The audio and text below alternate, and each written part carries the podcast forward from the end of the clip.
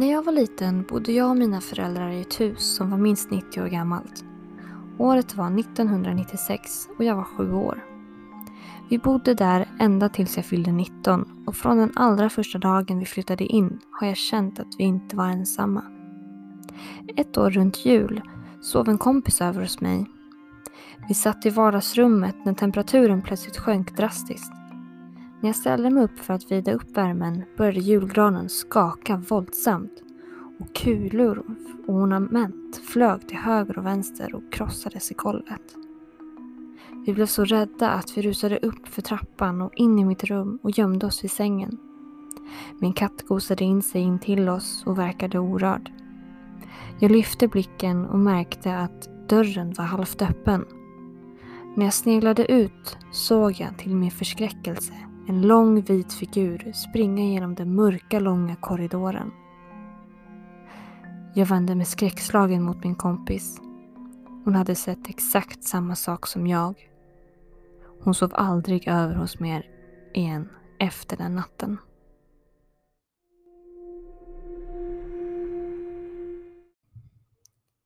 Du lyssnar på Ögon i mörkret podcast med mig Elin. Glad fjärde advent får man ju säga. Eh, gud vad det har gått fort. Eh, jag tänkte bjuda på lite spökhistorier idag, lite julspecial. Eh, så de är lite julinspirerade allihopa här. eh, den här berättelsen var skriven av Caitlin och eh, nu ska vi se så att jag hittar rätt. Det var Caitlin Williams på Twitter som har skrivit den här. Eh, som hon har då upplevt själv. Eh, så att eh, det tackar vi för. Det var ett bra intro, om jag får säga det själv. Ehm, ja. Så att eh, jag tycker bara att vi kör vidare med eh, några härliga historier Eh, lite klassiker, lite nya, lite eh, ja, egna upplevelser och så. Så häng kvar!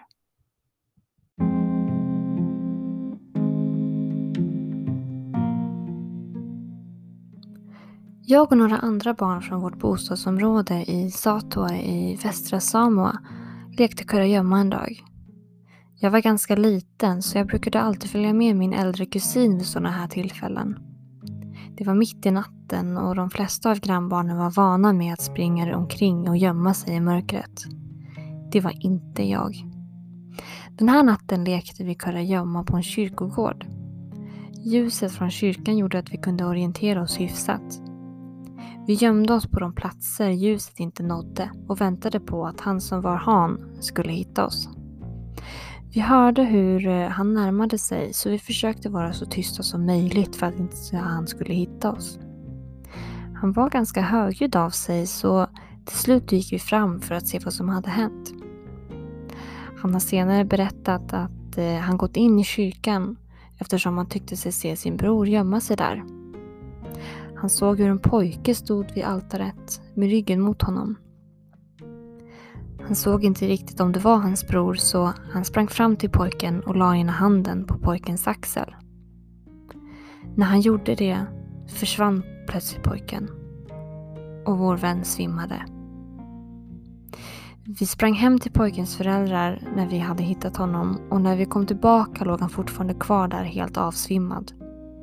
Hans föräldrar tog med honom hem och vi lekte aldrig någonsin mer på kyrkogården. Det visade sig sedan att pojkens bror aldrig var med oss och lekte. Han hade varit hemma hela tiden. Det som skrämde oss mest var att vår vän som svimmade har varit sjuk ända sedan den natten och har fortfarande inte blivit helt återställd. Vem det än var som befann sig i kyrkan måste ha varit riktigt arg över att vi var där och störde honom.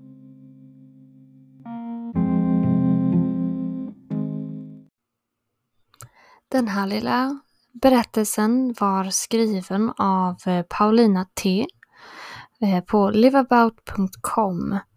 Ehm, den är inte bara skriven av, hon har även upplevt det här. Eh, vilket verkar väldigt obehagligt. Ehm, det är aldrig en bra idé att leka på en kyrkogård och speciellt inte mitt i natten. Så det skulle jag verkligen avråda er från att eh, ja, leka på kyrkogårdar. De är läskiga som de är så att det är bara ja, låta dem vara lite grann så. Eh, jag tänker att eh, jag kör vidare med några fler. Ehm, små berättelser eh, fortsätter vårt lilla julmys här.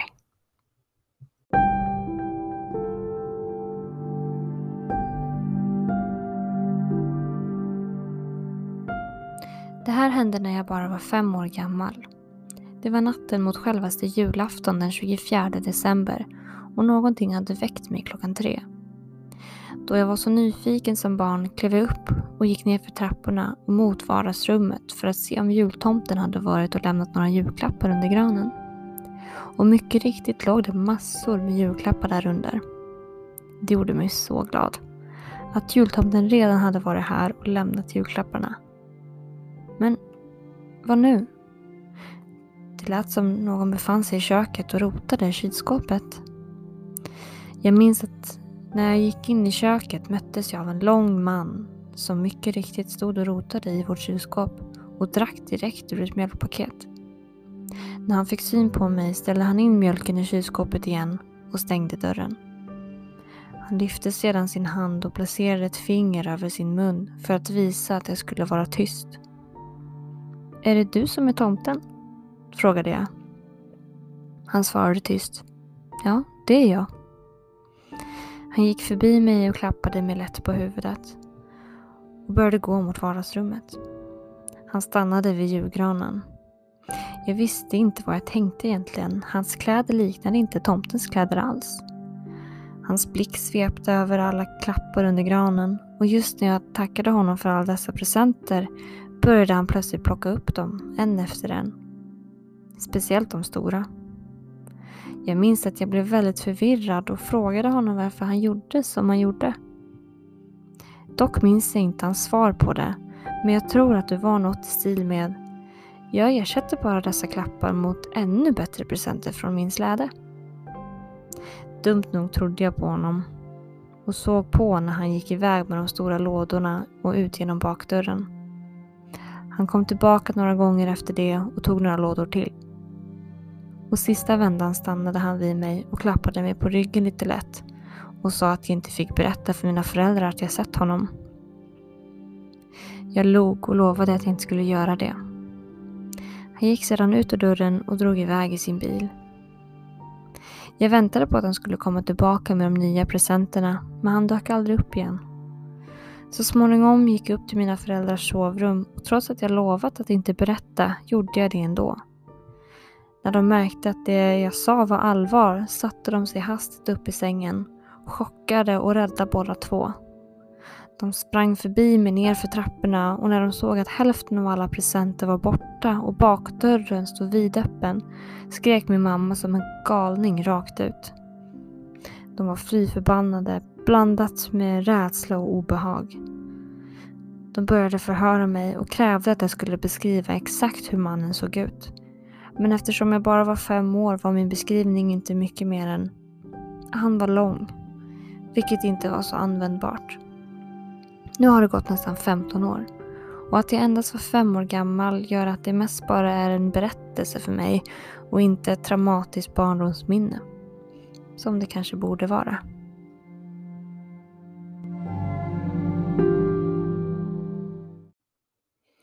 Det här var en eh, liten berättelse från Mr Nightmare på Youtube. Um, så lagom obehaglig. Uh, ingen spöken men uh, att vara med om en inbrottstjuv när man är ett litet barn, det kan jag inte tänka mig är så jätte, jättekul. Jag har blivit livrädd. Uh, men det är ganska vanligt egentligen just runt eh, juletid vad jag har hört i alla fall. Eh, att det sker mycket inbrott och så. Eh, jag vet att eh, min familj på min pappas sida, de blev, eh, eh, de blev rånade på, ja men strax innan julafton och eh, alla presenter blev, eh, blev tagna. Min pappa och hans bror, han, de var bara, de var bara små, små, jag vet inte hur gamla de var men de var inte äldre än typ 10 i alla fall. Eh, och eh, alla julklappar låg i bilen. Och då hade det varit några inbrottstjuvar där som hade brutit sig in i bilen och tagit alla julklappar. Så det blev inte så en jätterolig jul för dem. Tyvärr. Men så kan det gå. Inte jättekul att det händer. Eh, lär ju inte vara lika vanligt i år i alla fall. Vi kan ju hoppas. Eh, vi vill inte vara med om några inbrott. Ehm, men jag hoppas att ni har en riktig julkänsla där hemma. Eh, jag sitter själv mitt i natten som vanligt och spelar in ett poddavsnitt. Jag känner mig ganska ja, på julmyshumör och jag tänker fortsätta och ta några fler berättelser. Ehm, så det är bara att ni fortsätter lyssna.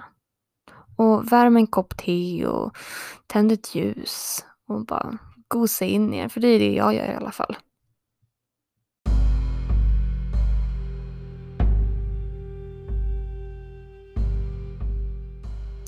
Mamma, när kommer jultomten? Frågade min dotter Elin mig för femtioelfte gången under gårdagskvällen. Jultomten besöker oss på julafton. Först på morgonen nere i Kalvhagekvie, sedan på kvällen hemma hos oss, svarade jag. Lätt trött. Mamma, får man julklappar om man varit snäll? Fortsatte Elin. Ja, om man har varit snäll och uppfört sig ordentligt under hela året får man det. Men om man inte varit snäll då? Då kommer Krampus, svarade jag utan att tänka mig för. Vem är Krampus? Undrade Elin och betraktade storögd sin obetänksamme mor.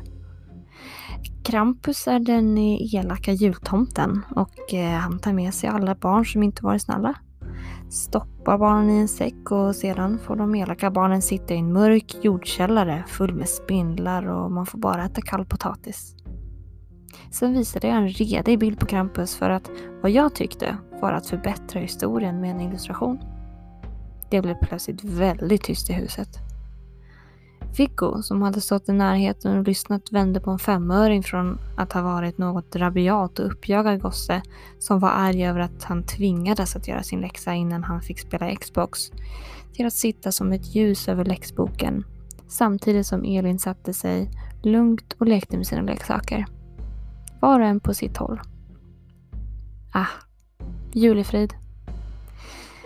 Jag känner villigt att min energi till att vara en pedagogisk och eh, förstående förälder inte fanns i tillräckliga depåer och jag till råga på allt, utan att överdriva, var en smula trött efter en lång arbetsdag och inte riktigt begrundade det som nyss sagts.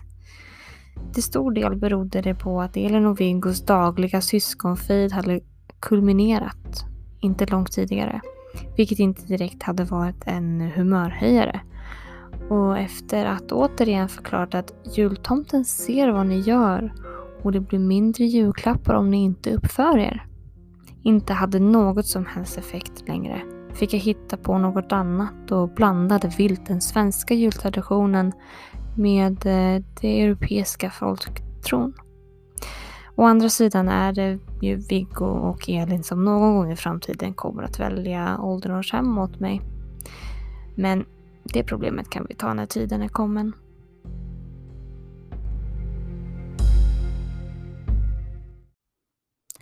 Som ni hörde där så är ju inte det där riktigt en spökhistoria, men det är en inledning på själva väsenet Krampus.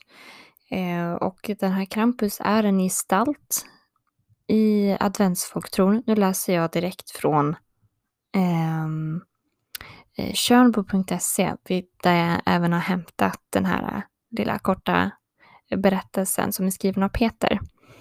Eh, Krampus är en gestalt i adventsfolktron i ett mellaneuropeiskt område som innefattar Bayern, Österrike, Ungern, Tjeckien, Kroatien och eh, Slovenien.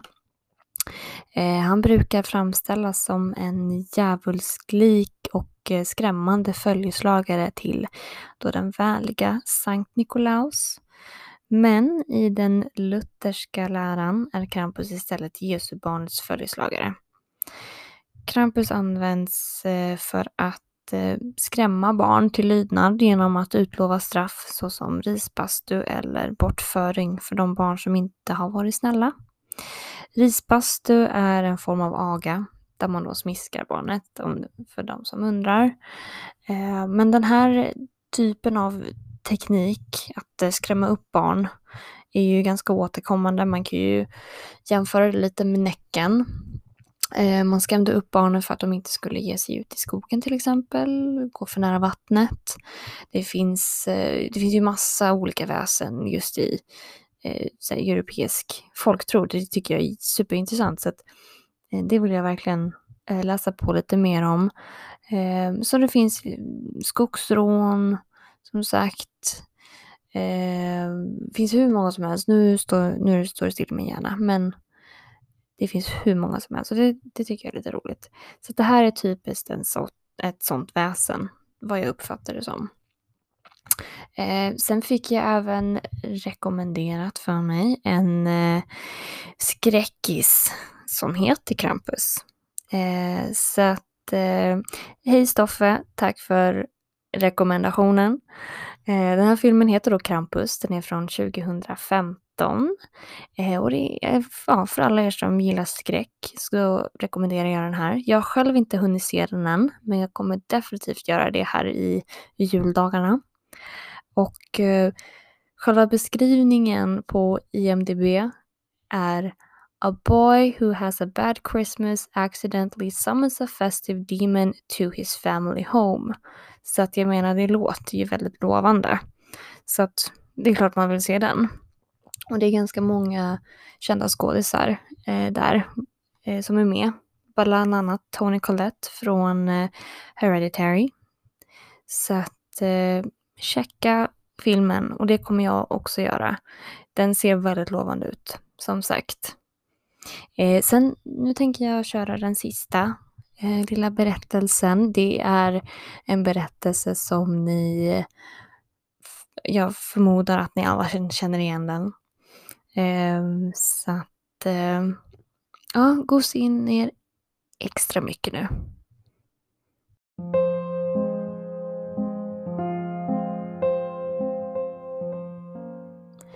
Det var så rysligt kallt. Det snöade och började bli mörka kvällen. Det var också den sista kvällen på året, nyårsafton. I den kylan och i det mörkret gick på gatan en fattig flicka med bart huvud och bara fötter. Ja, hon hade ju haft tofflor när hon gick hemifrån, men vad hjälpte det? Det var mycket för stora tofflor. Hennes mor hade de sist använt dem. Så stora var de och de tappade den lilla. Då hon skyndade sig över gatan just som två vagnar körde förbi i väldig fart. Den ena toffen kunde hon inte hitta och den andra sprang en pojke bort med. Han sa att han kunde använda den till en vagga när han själv fick barn. Där gick nu den lilla flickan på sina bara små fötter som var röda och blå av köld. I ett gammalt förkläde bar hon en mängd svavelstickor och en bunt gick hon med i handen. Ingen hade på hela dagen köpt av henne. Ingen hade gett henne en liten slant. Hungrig och frusen gick hon och såg så ynklig ut, den lilla stackaren. Snöflingorna föll i hennes långa gula hår som lockade sig så vackert i nacken. Men hon tänkte sannerligen inte på lockarna. I alla fönster lyste ljusen och så luktade det så här på gatan så härligt av gåstek. Det var ju nyårsafton. Ja, det tänkte hon på.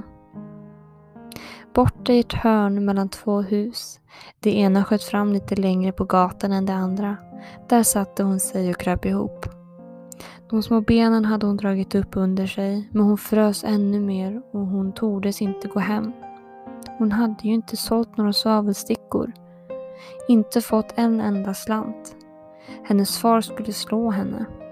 Och kallt var det också hemma. De hade bara taket rätt över sig och där pep vinden in fastän man hade stoppat halm och trasor i de största springorna. Hennes små händer var nästan alldeles döda av köld. Åh, en liten svavelsticka skulle göra gott. Om hon bara torde strö ut den ur bunten, stryka den mot väggen och värma fingrarna. Hon drog ut den. Rich, vad den sprakade, vad den brann. Det var en varm, klar låga, liksom ett litet ljus, då hon höll handen kring den. Det var en underligt ljus. Den lilla flickan tyckte att hon satt framför en stor järnkamin med blanka mässingskulor och mässingsspjäll. Elden brann så härligt, värmde så skönt. Nej, vad var det? Den lilla sträckte redan ut fötterna för att värma dem också och då släcktes lågan. Kakelugnen försvann. Hon satt med en liten stump av den utbrända svavelstickan i handen. Hon strök eld på en ny.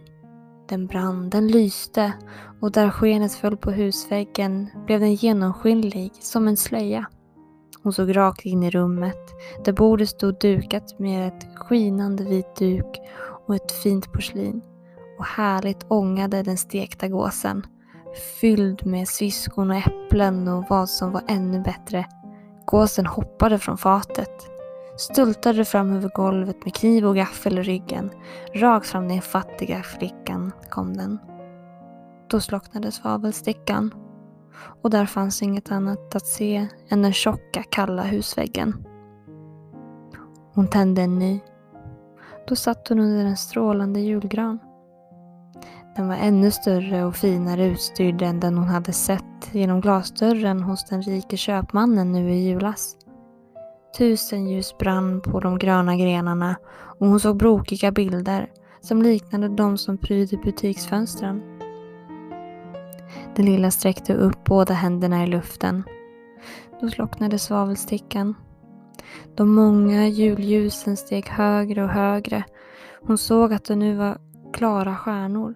En av dem föll och gjorde en lång eldstrimma på himlen. Nu är det en som dör, sa den lilla flickan. För gamla mormor, som var den enda som hade varit snäll mot henne, men nu var död, hade sagt När en stjärna faller stiger en själ upp till Gud. Ännu en gång strök hon en svavelsticka mot husväggen. Den lyste runt omkring och i ljusskenet stod gamla mormor. Så klar, så strålande, så välsignat mild. Mormor, ropade den lilla. Åh, tag mig med. Jag vet att du är borta när svavelstickan har brunnit ut. Borta liksom den varma kaminen, den härliga gåsteken och den stora strålande granen. Och i en hast strök hon eld på alla stickorna som var kvar i bunten. Hon ville riktigt hålla kvar mormor. Och svavelstickorna lyste med en glans så att det var ljusare än mitt på dagen. Mormor hade aldrig förr varit så vacker, så stor. Hon lyfte upp den lilla flickan på sin arm och de flög i glans och glädje så högt, så högt. Och det var ingen kyla, ingen hunger, ingen ångest. De var hos Gud. Men i hörnet vid huset satt i den kalla morgonstunden den lilla flickan med röda kinder, med ett leende kring munnen. Död, ihjälfrusen, den sista kvällen på det gamla året. Nyårsmorgonen gick upp över det lilla liket som satt med svavelstickorna. En av buntarna var nästan utbränd. Hon har velat värma sig, sa man. Ingen visste hur mycket vackert hon hade sett, i vilken glans hon med gamla mormor hade gått in i nyårsglädjen.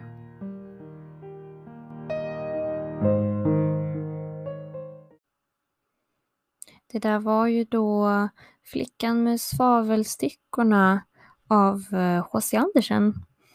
Eh, väldigt känd, tragisk och sorglig historia. Eh, jag tror de flesta kände igen den. Eh, jag vet att det är eh, min mamma Hon har väldigt eh, stark åsikt om den här. Hon tycker den är för sorglig för att lyssna på. Så att det är ju bra att hon eh, inte lyssnar på min podd. För då hade hon väl suttit och kanske fällt en liten tår. Um, men den är väldigt sorglig och den är fin på samma gång. Eh, och det är ju lite julkänsla och nyårskänsla över den. Så att den får avsluta det här avsnittet. Eh, som jag hoppas att ni har tyckt eh, var mysigt. Det tycker jag i alla fall. Eh, väldigt, eh, ja, ja men bra avsnitt eh, för att förbereda sig för julen. Det är ju inte många dagar kvar nu. Eh, det är 20 eh, december när det här avsnittet släpps. Så att sen är det bara fyra dagar kvar. Sen är det julafton igen. Så att ehm, eh, jag vill önska er en jättehärlig jul och god fortsättning. Om vi inte hörs innan dess så eh, gott nytt år på er också. Eh, och hoppas att eh, 2021 blir snäppet bättre än 2020. Ja, det, de har inte, alltså 2021 har inte jättemycket competition om jag säger så. Så att eh, vi håller tummarna allihopa för det. Och eh, jag kommer tillbaka så, såklart. Jag har lite eh, olika ämnen och teman på gång här. Jag tänker bland annat ta upp lite historiska mord eh, och eh, lite historiska seriemördare kanske. Eh, och lite så. Kommer komma här i framtiden. Så det är bara att ni eh, eh, ja, inväntar de avsnitten och förhoppningsvis så kommer jag även ha med mig flera gäster så lite, lite längre framåt som jag har nämnt i tidigare avsnitt också.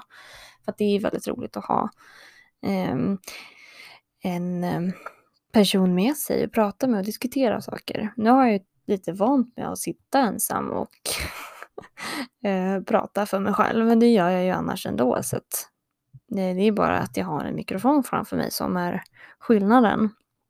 Men grejen är, man får ju alltid bäst svar när man sitter själv och diskuterar.